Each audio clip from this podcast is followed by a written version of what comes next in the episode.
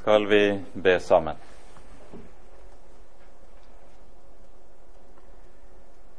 Kjære gode Herre, Hellige Far. Så takker vi deg at vi på ny skal få lov til å samles om ditt dyrebare ord. Takk, Herre, at du har sagt at himmel og jord skal forgå, men dine ord består. Takk, Herre, at du også har gitt det løftet at når vi tar vare på ditt ord, skal vi også stå med ordet. Så ber vi deg, Herre, send din Hellige Ånd og ta deg av oss, at vi må hver og en ta vare på ordet ditt Smelt ordet ditt sammen med våre hjerter, slik at vi også alltid kan bli hos Jesus inntil enden. Kom med din ånd og vær hos oss denne kvelden, og før oss, Herre, inn i ordet. Det ber vi for Jesus skyld, og takker og lover deg, Herre, fordi du er god og din miskunnhet varer til evig tid. Amen.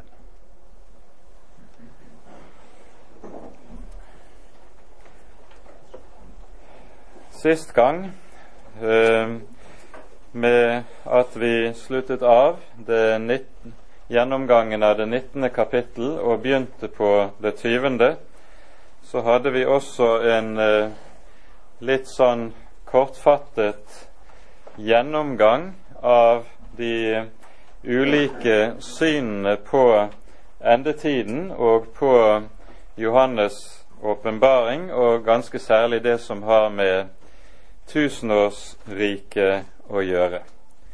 For det er jo her i det tyvende kapittelet vi hører om tusenårsriket.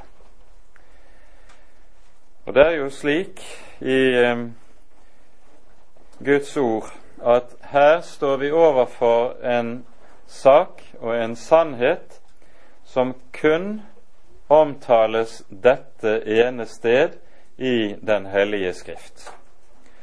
Og med bakgrunn i disse syv versene, åtte versene, som står her i det tyvende kapittelet i åpenbaringsboken, er det der har vokst frem en hel mengde ulike fortolkninger og syn på det som har med endetiden og de siste ting å gjøre.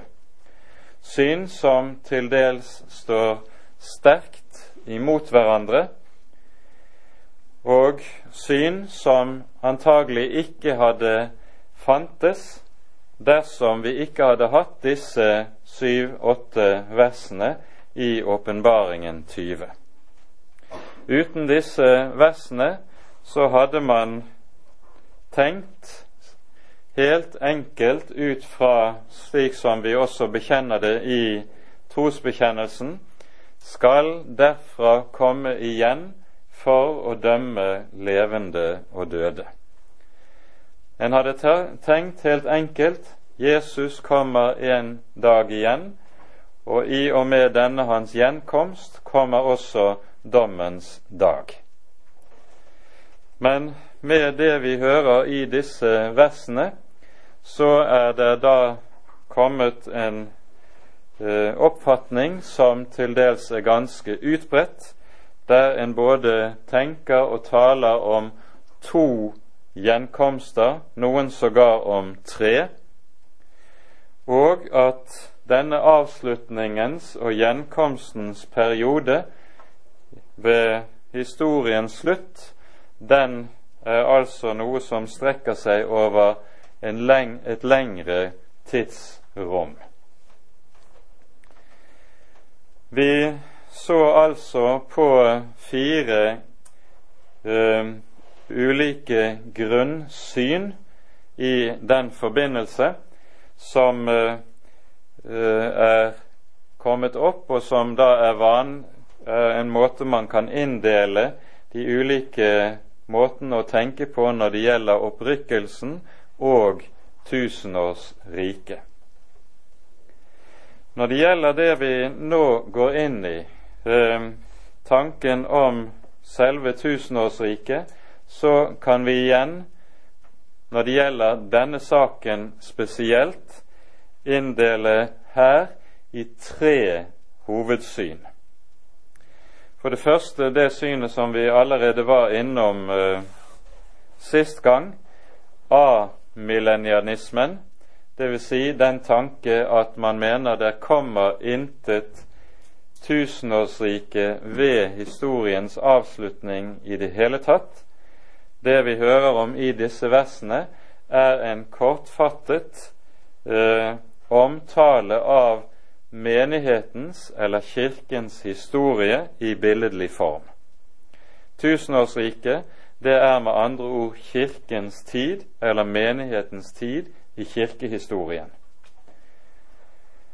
Ehm, så har vi dernest to andre hovedsyn ehm, når det gjelder måten å tenke på om et historisk tusenårsrike ved altså historiens avslutning.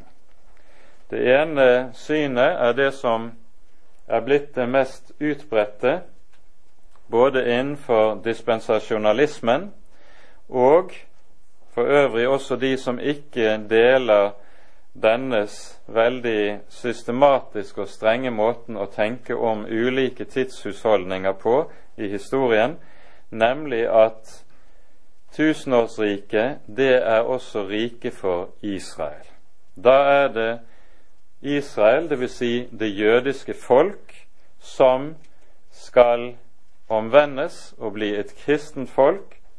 Og med dette som utgangspunkt så kommer det en tusenårig velsignelsestid som skal omfatte hele jorden og alle folkeslag, og da gjennom en lang periode på hele tusen år. Det man da skal være klar over, er at dette syn, denne måten å tenke på, at det er Israel, eller det jødiske folk, som så å si er krumtappen i tusenårsriket, det er en historisk sett helt ny måte å lese Johannes' åpenbaring på. Den oppsto på slutten av 1600-tallet i Holland, i Den reformerte kirke. Tidligere hadde den kristne kirke aldri tenkt slik. Det synet som eh, den kristne kirke hadde før man fikk denne tanken om at tusenårsriket er et bilde på menighetens eller kirkens historie. Dette er jo et syn som slår igjennom med Augustin, og som også altså Luther deler. Det syn som var alminnelig før denne tid, og som vi finner hos de eldre kirkefedre før Augustin, det tenkte altså ikke om Israel som kjernen i tusenårsriket.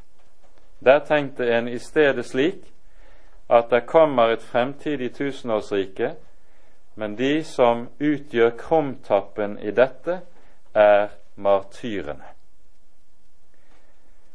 Og med dette som uh, inngangsport så leser vi nå først de uh, syv første versene i det tyvende kapittelet.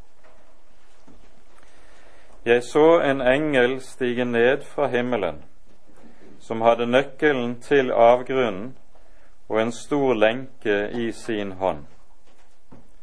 Og han grep dragen, den gamle slange som er djevelen, og Satan, og bandt ham for tusen år. Og han kastet ham i avgrunnen og lukket til og satte seil over ham, for at han ikke lenger skulle forføre folkene inntil de tusen år var til ende. Og etter den tid skal han løses en kort stund. Og jeg så troner, og de satte seg på dem, og det ble gitt dem makt til å holde dom, og jeg så deres sjeler som var blitt halshogget for Jesu vitnesbyrds og for Guds ords skyld, og dem som ikke hadde tilbedt dyret eller dets bilde, og som ikke hadde tatt merke på sin panne og på sin hånd. Og de ble levende og regjerte med Kristus i tusen år. Men de andre døde ble ikke levende igjen før de tusen år var til ende. Dette er den første oppstandelse. Salig og hellig er den som har del i den første oppstandelse. Over dem har den annen død ingen makt.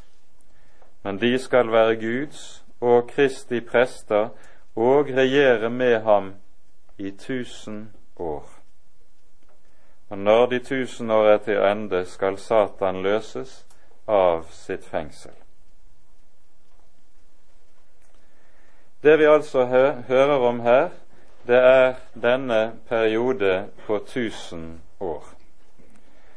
Og som det ble understreket sist gang, så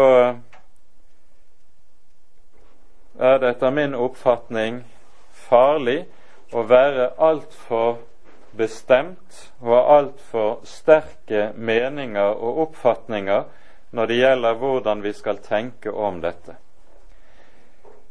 Ordene som står her, gir i så stor grad og i så stor utstrekning rom for ulike måter å forstå og tolke dette at man skal ha en stor grad av varsomhet i forhold til teksten. Dette gjelder både når det er konkret om perioden på de tusen år, det gjelder ikke minst når det gjelder det som sies om den første og den annen oppstandelse. Hva ligger der monn egentlig i dette? Og jeg vil prøve i det som vi nå skal si, ganske kort om dette, og også iaktta en slik varsomhet i forhold til teksten. Jeg tror vi skal være forsiktige med å være for bestemte. Først, når det gjelder uttrykket 'tusen år', så er det høyst sannsynlig slik at med dette tenkes det ikke bokstavelig på en periode som varer 1000 år i lengde. Tallet 1000 er i Bibelen, og ikke minst i tallsymbolikken som vi finner i åpenbaringsboken, et tall som eh, bærer i seg noe av fullstendighetens og fullkommenhetens symbol. Det er summen, eller produktet heter det vel, av ti ganger ti ganger ti. Altså en, det som er målene også på en kube på ti ganger ti ganger ti meter. Og med det dras oppmerksomheten i retning av det som vi møter i kapittel 21 når det er tale om det aller helligste, som nettopp har form som en kube eller som en terning. Dernest eh, har det vært vanlig blant de eldre kirkefedre å tenke slik at her finner man eh, to bibelske referanser bakom. For det første tenker man på skapelsen.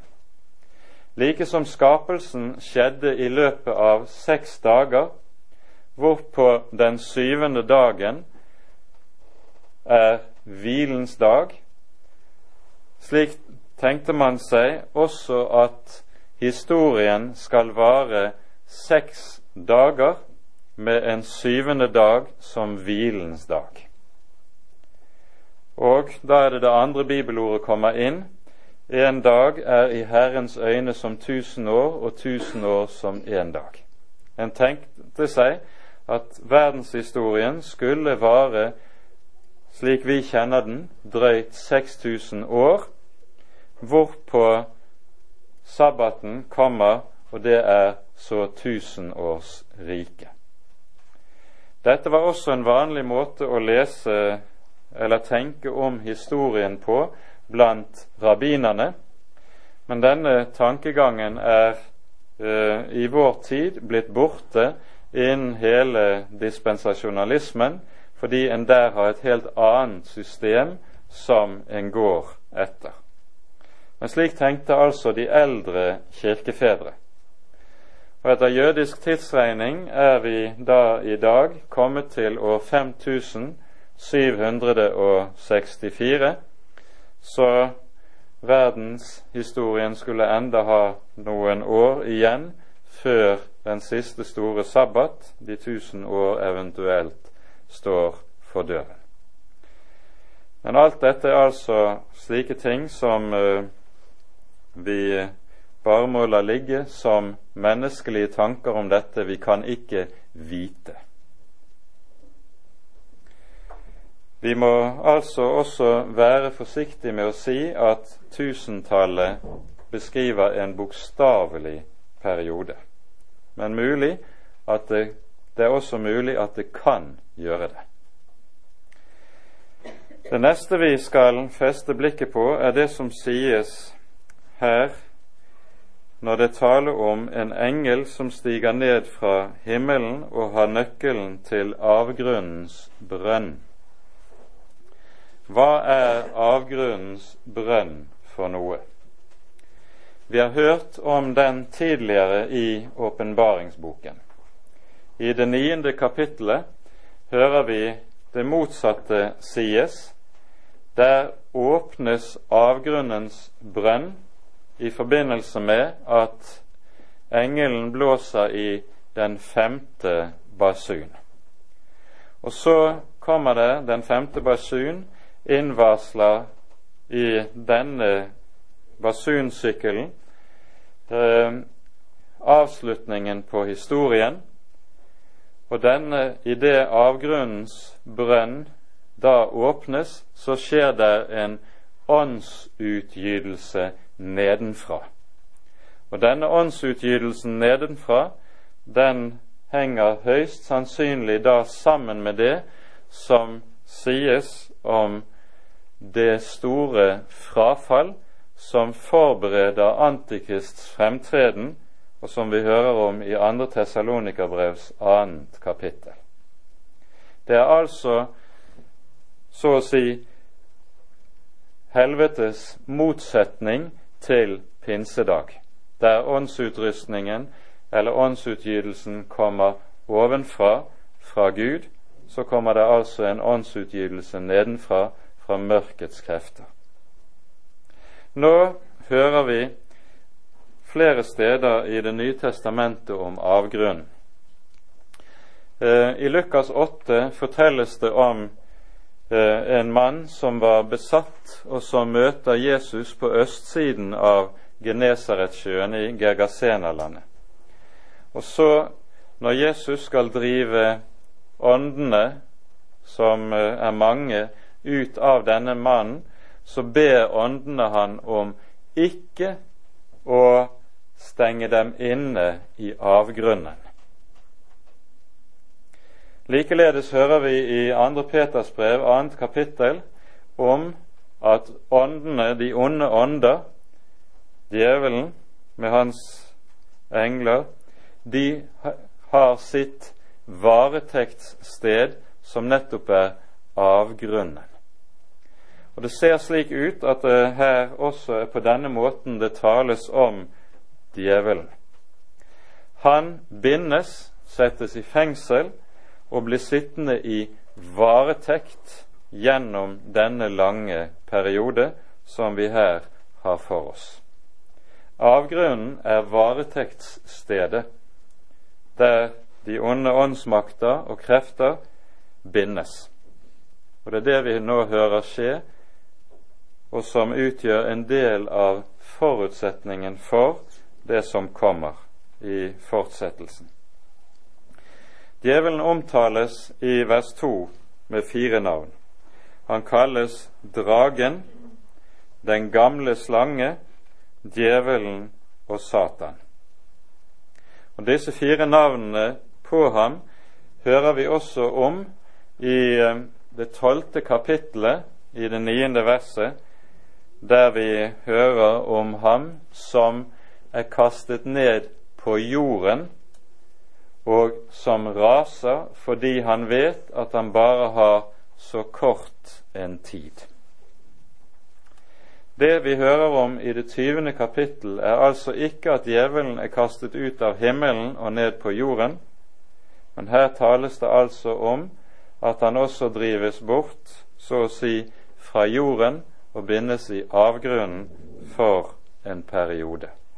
Og så sies det om ham, om, om dette, at han ikke skal forføre jorden.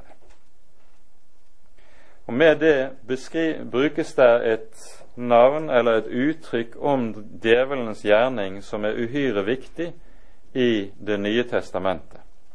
Djevelen kalles jo gjennomgående for løgnens far.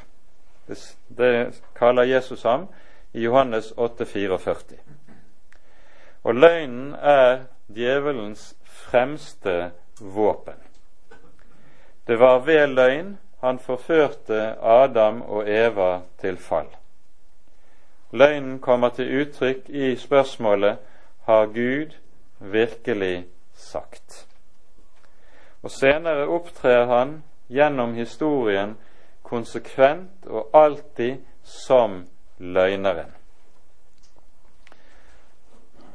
Og Derfor beskrives også Guds rike motsatt som et rike der Han som er herre og konge, er sannheten, og de som hører til i riket, det er de som er av sannheten, og som har fått kjærlighet til sannheten.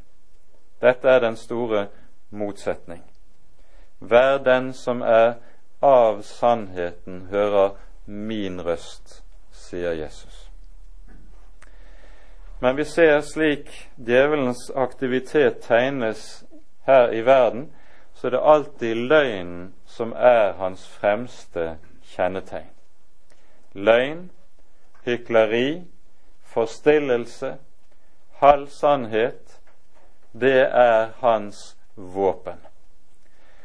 Og Slik ser vi også at når han fremmer sin sak, enten det skjer på politikkens eller på religionens, eller det skjer i det enkeltes personlige liv, så er det alltid løgnen som er det fremste kjennetegn.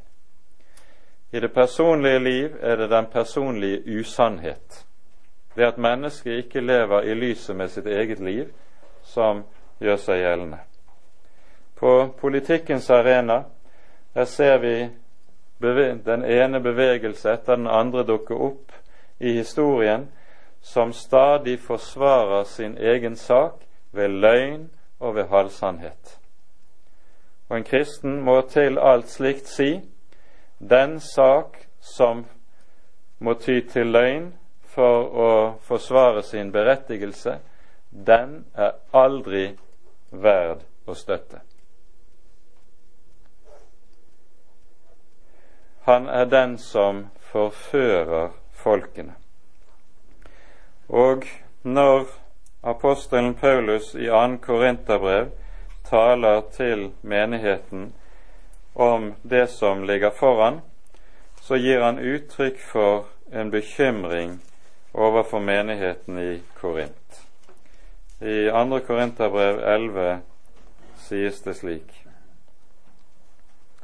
Jeg er nidkjær for dere med Guds nidkjærhet. Jeg trolovet dere med én mann for å fremstille en ren jomfru for Kristus. Men jeg frykter for at like som slangen dåret Eva med sin list, slik skal også deres tanker forderves, vendes bort fra den enfoldige troskap mot Kristus. Dette er alltid det som er den kristne menighets fare. Og så er djevelen den som forfører folkene.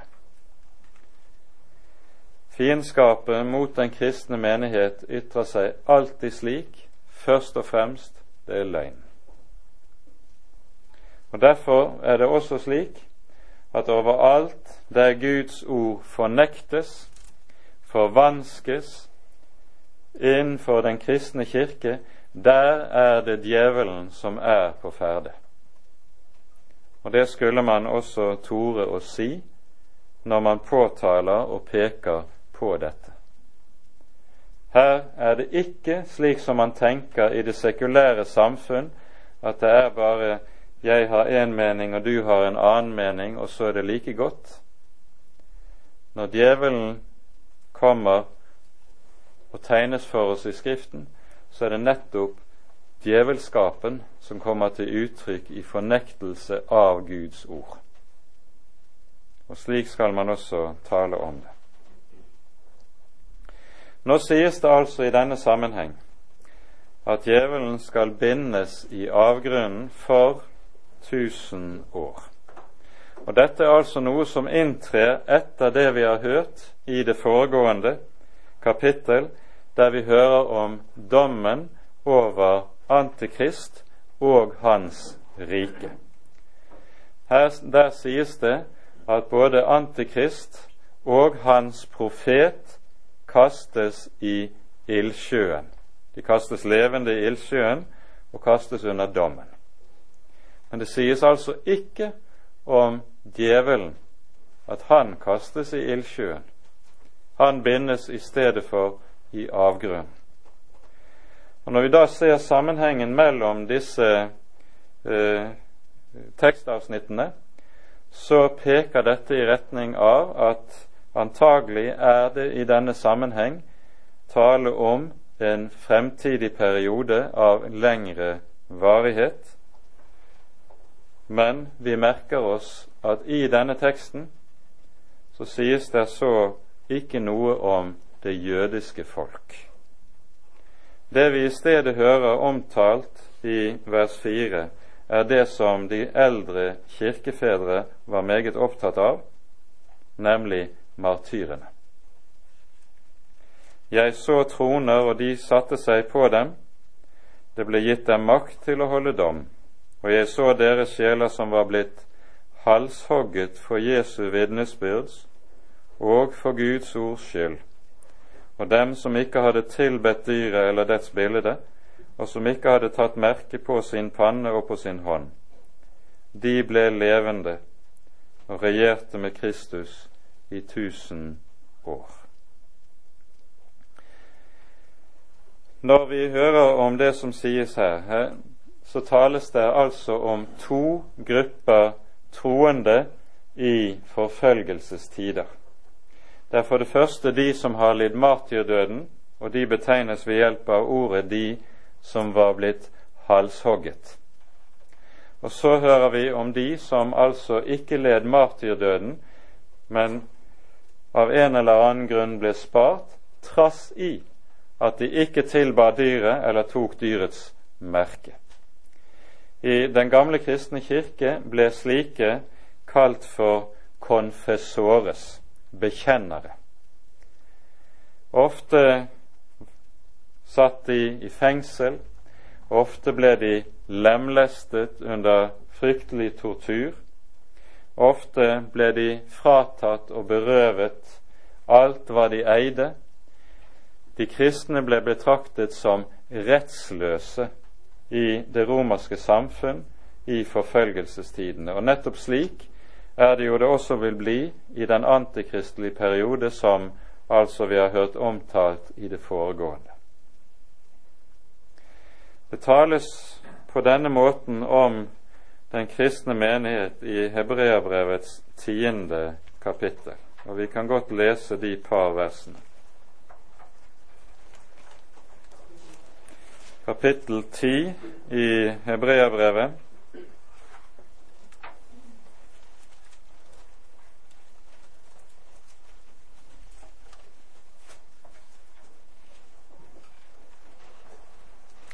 Her leser vi slik fra vers 32. Her er det altså også en menighet som har utholdt forfølgelse i den foregående tid. Kom i hu de gamle dager da dere etter å være blitt opplyst utholdt en stor strid i lidelser. Idet dere dels ble til et skuespill ved hån og trengsel, dels led med dem som hadde det således.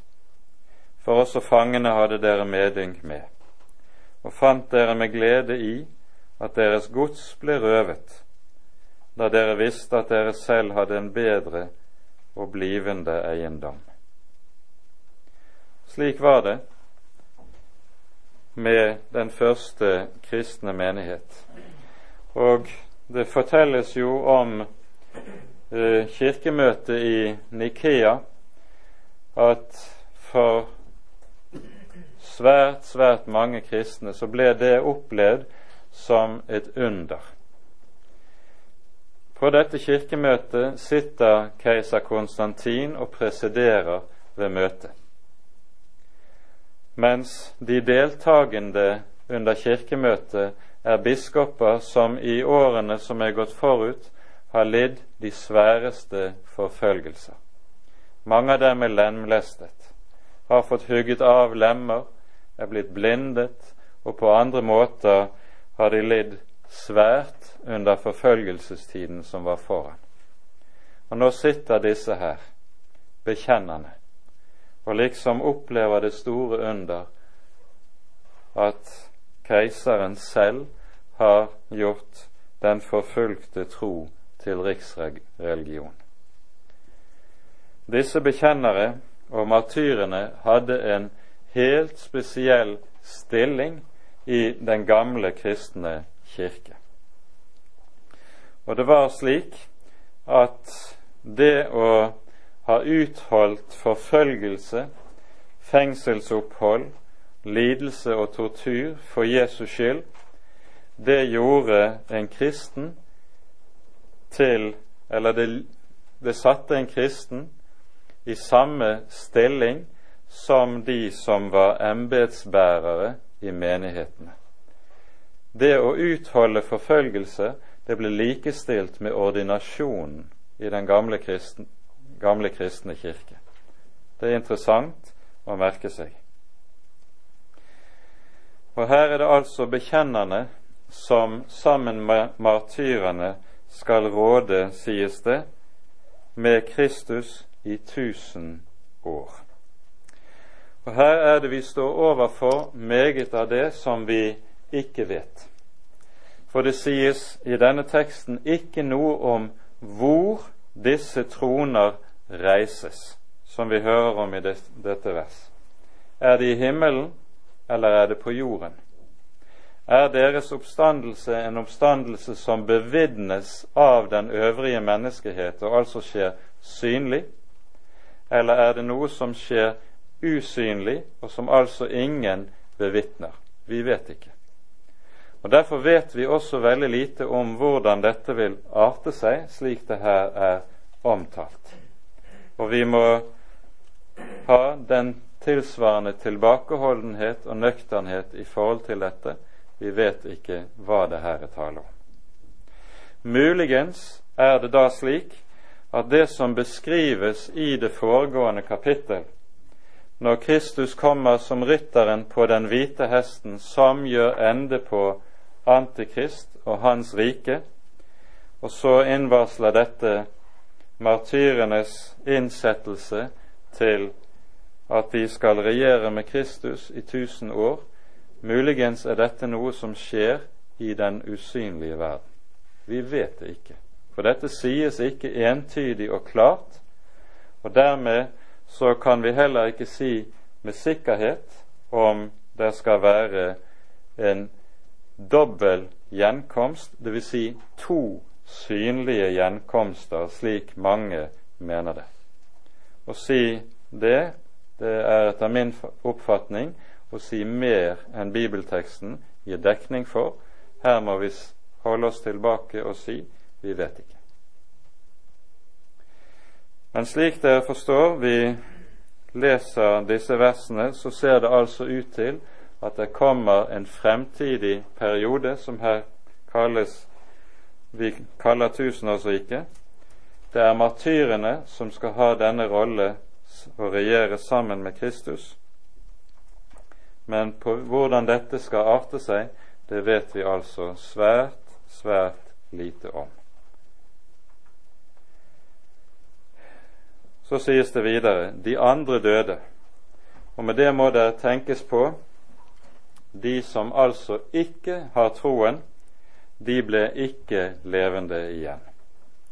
Deres oppstandelse, det er det tale om i eh, slutning, slutningen av kapittelet. De andre døde ble ikke levende igjen før de tusen år var til ende. Dette er den første oppstandelse. Salig og hellig er den som har del i den første oppstandelse. Over dem har den annen død ingen makt, men de skal være Guds og Kristi prester og regjere med ham i tusen år, sies det. Så må vi altså si at vi vet ikke, og intet menneske kan fullt ut si her i tiden, hva som ligger i dette uttrykket 'den første oppstandelse'. Og la det få lov til å stå slik. Vi må si vi vet ikke. Det vi skal merke oss i dette verset, det er at det altså sies om de som har del i den første oppstandelse. De kalles for Guds og Kristi prester. Og med det menes ikke sogneprester. Her brukes det ordet som uh, anvendes i Det gamle testamentet om prestene i tempelet. De som altså ofrer, og det er et helt annet ord enn det ordet som vi anvender for prest, det er ordet presbyter, som betyr eldste. Og det er altså ikke samme sak. Prest i denne mening i Bibelen, det er for det første det å være offerprest i tempelet, og det beskrives i 4. Mosebok 16. kapittel hva det er som kjennetegner prestene. De er de som til forskjell fra alle andre har adgang til Gud og har rett til å tre Gud nær. De har rett til å tre inn for Guds ansikt. Dette er noe som er gitt i kraft av Jesu død. Vi hører jo lovsangen til lammet i det femte kapittelet i åpenbaringsboken, der den store flokk som står for tronen, synger for lammet og lover og takker ham fordi han med sitt blod har kjøpt alle folk, mennesker av alle stammer og tunger og, og etter osv. til Gud og gjort dem til prester for Gud. De har altså fått adgang. Og det er dette det taler om også i Hebreabrevets 10. kapittel 19. og 20. vers, der det sies at forhenget, da forhenget gikk i stykker, så ble det innviet oss en ny og levende vei inn for Gud. Det er dette privilegium vi som Guds folk, som den kristne menighet, har. Og Derfor kalles altså de kristne i Skriften for prester for Gud. Det Guds rike som vi er en del av, det er et kongerike av prester, og vi er det hellige folket. Slik, slike ord anvendes altså om dette. Se 1. Peters brev, kapittel 2, vers 9. Så sies det også at de skal regjere med Kristus. Dette er en tanke som vi også møter igjen en rekke steder i Det nye testamentet. I 2. Eh, Timotus brevs 2. kapittel sies det holder vi ut, skal vi regjere med ham. I første Korinterbrev sjette kapittel sies det om de troende at de ikke skal gå til eh, verdslige rettssal og til verdslige dommere med tvistemål som de har seg imellom, for, sier Paulus, vet dere ikke at vi skal dømme verden. Altså er det noe de troende skal løse seg imellom uten å søke verst, eh, hjelp hos den verdslige myndighet. Og Domsmyndigheten var i den gamle tid noe som altså tilhørte kongen. Og så sies det de skal regjere med ham i tusen år. Når de tusen år er til ende, skal Satan løses av sitt fengsel. Og så kommer avslutningen av det tyvende kapittel, som vi så leser i sammenheng. Han skal gå ut for å forføre de folk som bor ved jordens fire hjørner, Gog og Magog, for å samle dem til strid, og deres tall er som havets sand. De dro opp over den vide jord og kringsatte de helliges leir og den elskede stad. Ild falt ned fra himmelen og fortærte dem. Og djevelen som hadde forført dem, ble kastet i sjøen med ild og svovel, hvor dyret og den falske profet var, og de skal pines dag og natt i evighet. Og jeg så en stor hvit trone, og ham som satt på den, og for hans åsyn vek jorden og himmelen bort. Det ble ikke funnet sted for dem, og jeg så de døde, små og store, stå for Gud. Bøker ble åpnet, og en annen bok ble også åpnet, som er livets bok. Og de døde ble dømt etter det som var skrevet i bøkene, etter sine gjerninger. Og havet ga tilbake de døde som var i det, og døden og dødsriket ga tilbake de døde som var i dem, og de ble dømt, enhver etter sine gjerninger. Døden og dødsriket ble kastet i ildsjøen, dette er den annen død, ildsjøen. Og hvis noen ikke fantes oppskrevet i livets bok, da ble han kastet i ildsjøen. Så hører vi altså at i vers 7 at djevelen løses. Han går ut for på ny å forføre jorden, og så kommer en bratt avslutning. Det avsnittet som her vi har for oss i vers 7 og vers 8, det er eh, en kortfattet sammenfatning av det vi hører om i Esekiels bok i den 38. og 39. kapittel. Vi rekker ikke å gå igjennom det, men eh, det er karakteristisk nettopp slik som vi ser det i Esekiels bok, at i det 37. kapittelet hos Esekiel hører vi om oppstandelsen. Antagelig er det denne oppstandelse det er tale om i det fjerde verset her i forbindelse med talen om de tusen år.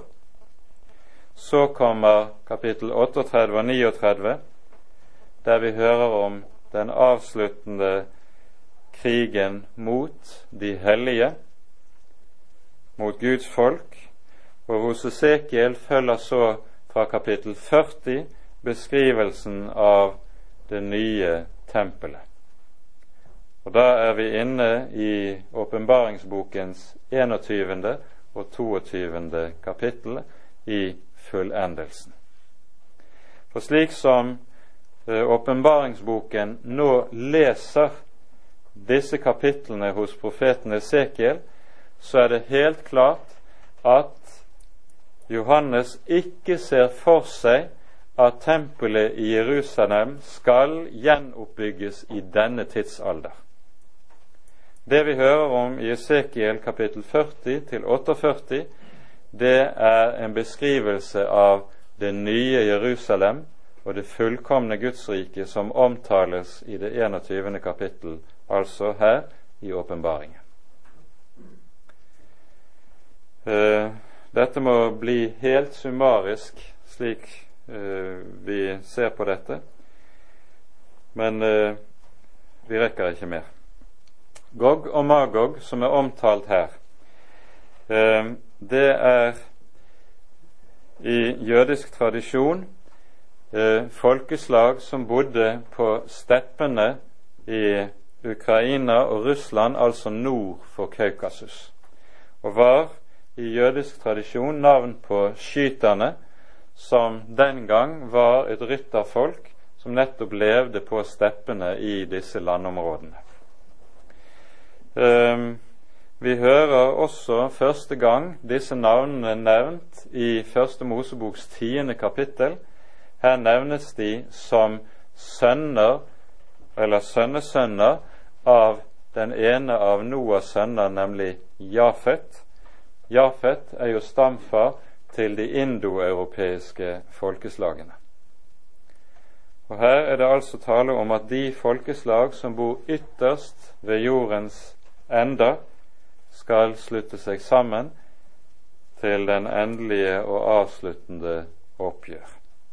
Det er sånn det tales om dette, men vi ser hvor komprimert og kortfattet dette omtalt. Dette blir så foranledningen til den egentlige gjenkomst og den endelige dom. Og så er det vi hører vers 10 og vers 11 disse to beskrives. Djevelen som hadde forført dem, ble kastet i sjøen med ild og svovel, hvor dyret og den falske profet var, og de skal pines dag og natt i evighet. Og Her skal vi merke oss slik som Bibelen taler om fortapelsen. Her vil vi peke på Jesu ord i Matteusevangeliets 25. kapittel. Det er jo her i dette kapittelet vi har de tre store domslignelsene i Jesu endetidstale. Og i denne domslignelsen, den siste av dem, som vi hører fra vers 31, der hører vi Jesus som kommer tilbake og så skilles menneskeheten. De ene fårene står på hans høyre side, gjetene på hans venstre. Og så sier han til eh, de som står på hans eh, høyre side, i vers 34.: Kom hit, dere min Faders velsignede. Ta i arv det rike som er beredt dere fra verdens grunnvoll ble lagt. Den evige frelse, himlenes evige rike hos Gud, det er noe som det her sies er beredt fra verdens grunnvoll ble lagt. Med det sies det altså dette var det Gud hadde planlagt i og med at han skapte. Dette er Guds hensikt med hele skaperverket. Det er at det skal være en menneskehet som får del i hans evige salighet. Det er hensikten med skapelsen. Det er det Jesus sier med dette. Motsatt hører vi det sies om fortapelsen i vers 41. Her taler Jesus til de som står på hans venstre side. Da skal han si til dem ved den venstre side, gå bort fra meg, dere forbannede, i den evige ild som er beredt djevelen og hans engler. Merk nøye. Det sies ikke om dette at den, den evige ild, er beredt fra verdens grunnvoll ble lagt. Det var ikke dermed noe av Guds evige hensikt og Guds evige råd. Det er i stedet noe som er blitt til og kommet til på grunn av fallet, først fra djevelen, og deretter menneskeheten som følger ham. Og legg merke til det Jesus sier den evige ild er beredt for djevelen og hans engler. Det er de som var tiltenkt dette. Så blir fortapelsen da også det at de som følger djevelen, får del i det samme. Og det er det som så omtales i dommen, som vi hører fra vers 11 her i Åpenbaringen 20. Jeg så en stor hvit trone, og han som satt på den. For hans åsyn vek jorden og himmelen bort, og ble ikke funnet sted for dem. På ny, uhyre komprimert, tales det om noe som Bibelen andre steder omtaler mer bredt. Himmel og jord skal forgå, sier Jesus, men mine ord skal aldri i evighet forgå. Og I andre Peters brev, i det tredje kapittel, tales det også om det vi hører her. Um, og Jeg tror vi leser noen vers fra andre Peter 3. Her er det i innledningen av kapittelet først tale om syndfloden som går over hele jorden, og denne er så et forbilde på den endelige dom, som også skal omfatte hele jorden. Vi leser først fra vers 6 av i 2. Peter 3. Ja, vi kan lese fra vers 5. De som påstår dette, dvs. Si fornekter at det skal komme en ende med dom over all jorden, de er blinde for at det fra gammel tid av var himler og en jord som var blitt til ut av vann og gjennom vann ved Guds ord. Og derved gikk den verden som da var, under i vannflommen. Men de himler som nå er, og jorden, er ved det samme ord spart til ilden, idet de oppholdes inntil den dag da de ugudelige mennesker skal dømmes og går fortapt. Og så hopper vi til vers 10. Men Herrens dag skal komme som en tyv. Da skal himlene forgå med et stort brak. Himmellegemene skal komme i brann og oppløses, og jordene og tingene på den skal oppbrennes. Og så vers 13. Men vi venter etter Hans løfte nye himler og en ny jord, hvor rettferdighet bor. Det vi skal være klar over, er at slik som Bibelen tenker om dette, så tror jeg vi har lov til å si at det er en nøyaktig analogi mellom det som skal skje med hvert enkelt menneske som får del i frelsen, og det som skal skje med skaperverket som helhet. Vi skal, så sant vi ikke lever når Jesus kommer tilbake, vi skal dø.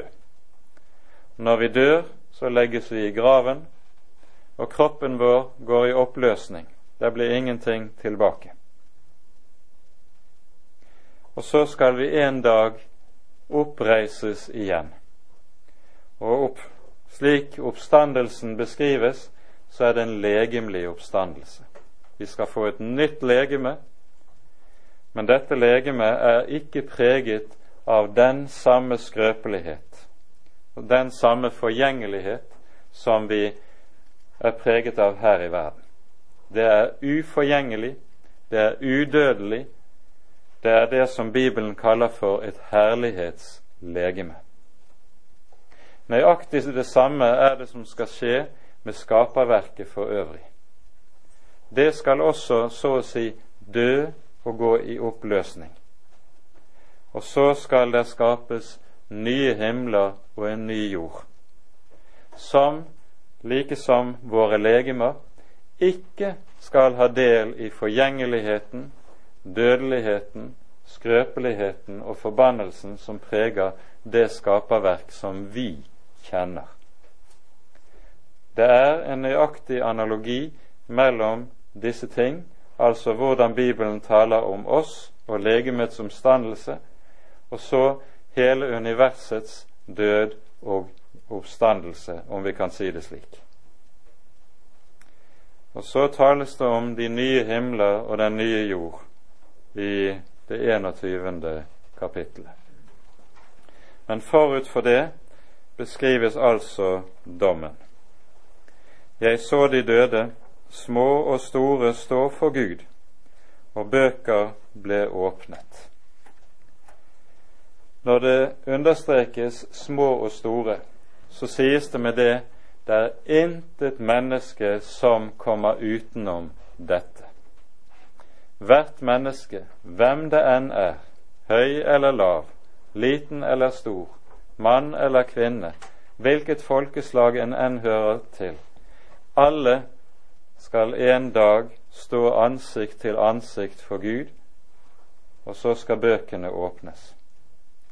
Og de bøkene som det her er tale om, forstår vi, det er de bøker der hvert menneskes liv er oppskrevet. Det er ingenting som er skjult. Det er ingenting som Gud ikke vet om. Den dagen, om ikke før, skal alt frem i lyset. Og Når Skriften taler slik om bøkene, så taler den om det som er domsgrunnlaget. Dommen skjer ikke på noen måte vilkårlig. Her er det tale om at han som er dommeren, vet alt. Intet er skjult for hans øyne. Og så skal dommen avsies i tråd med nettopp hans allvitenhet. Og her er det en stor forskjell i forhold til det som Skriften sier om nådetiden. Også her i tiden er det slik at du og jeg stilles inn for Guds dom og for Guds domstol. Da er, står vi også overfor en anklager som anklager oss med loven. Men her i tiden har Gud gitt oss en forsvarer, en talsmann, som er Jesus. Og det er det som er Guds store nådes rikdom. Det er at vi nettopp så lenge vi er her, har vi Han som vår talsmann. Men på den siste dag er den tiden slutt. Da er Jesus dommeren. Han er ikke lenger frelseren og talsmannen. Da lukkes døren. Da er også nådens tid slutt. Og det er jo det store alvor som Bibelen forkynner oss, og som gjør at vi aldri må misbruke nådens tid. I dag er nådens tid. Havet ga tilbake de døde som var der. Døden og dødsriket ga tilbake de døde som var i dem og de ble dømt, hver etter sine gjerninger. Og døden og dødsriket ble kastet i ildsjøen. Dette er den annen død, ildsjøen. Og hvis noen ikke fantes oppskrevet i livets bok, da ble han kastet i ildsjøen. Ildsjøen er altså det billedlige uttrykk for fortapelsen og at dette uttrykk, eller dette bildet brukes, henger sammen med at Guds vrede gjennomgående i Bibelen nettopp avbildes under ilden. Den vrede Gud, han er en Gud som er brennende harm. Slik er det jo også i vårt språk. Hvilket altså forteller oss at det den evige fortapelse er, det er å være i evigheten underlagt Guds vrede. Det er det fryktelige som Bibelen sier oss. Og her er det store enten-eller. I denne sammenheng er det altså også tale om livets bok. Livets bok er den bok vi også hører om en rekke steder ellers, både i åpenbaringsboken, og vi hører om den i um, andre steder i Bibelen. Jesus sier f.eks. til disiplene i Lukas tid.: Gled dere ikke over at åndene er dere lydige, men gled dere over at deres navn er oppskrevet i himlene.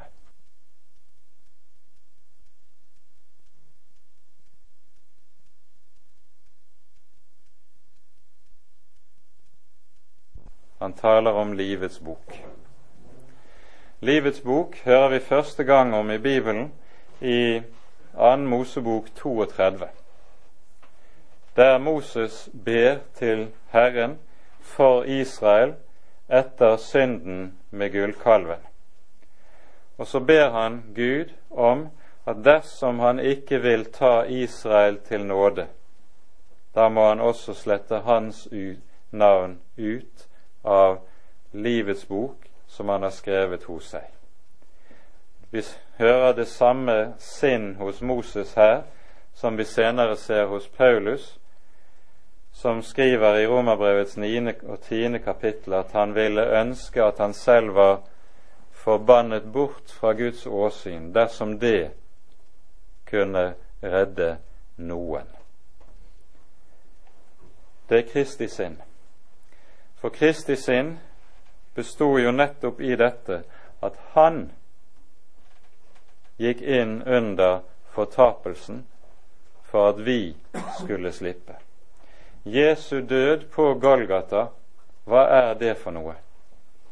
Det er nettopp at han lider dommen under Guds vrede. Det er nettopp at han forkastes av Gud. Det er det Golgata handler om. Og vil du vite hva Guds vrede er, da må du se på Golgata. For der dømmes all synd som er gjort fra Adam falt og frem til den siste dag. Den dømmes i Jesus på korset. Han lider dommen under Guds vrede og må smake det som vi kaller for fortapelsen for at vi skal slippe. Og så skrives livets bok. Hva er livets bok? Det er Jesus sår. Vær den som har fått lov til å lære Jesus å kjenne, er skrevet inn i Jesu sår. Det er slik de gamle tenkte om dette. I Jesaja 49 sier Herren om sine. I begge mine hender har jeg tegnet deg. Hvordan skulle jeg da kunne glemme deg? Ordet som er oversatt med 'tegnet' i våre oversettelser, det betyr å inngravere, bokstavelig. Og det er det som skjedde da han hang på korset. Der er du og jeg inngravert. Og så er det Jesus led livets bok for oss. Vi er innskrevet i Hans sår. Og så er det da slik at hver den som hører Jesus til, hver den som kjenner Jesus og i ham har fått syndenes forlatelse, han står også i livets bok. Det er en bok som ikke er skrevet inn i kraft av vår fortjeneste, men som er skrevet i kraft av Jesu fortjeneste. Det er en bok som ikke hviler på noe menneskes gjerning, men på Kristi gjerning. Og så er det å være et Guds barn, det er det å ha håp fordi han er skrevet nettopp i livets bok, skrevet med Jesu eget blod. De har tvettet sine kjortler og gjort dem rene i lammets blod. Derfor står de for tronen og lovsynger Gud dag og natt i Hans tempel, sies det i Åpenbaringen syv. Det er livets boks barn. Det er de som er innskrevet til livet i det nye Jerusalem, på den nye himmel og på den nye jord. Og så setter vi punktum der. Ære være Faderen og Sønnen og Den hellige ånd, som var og er og være skal, en sann Gud, høylovet i evighet. Amen.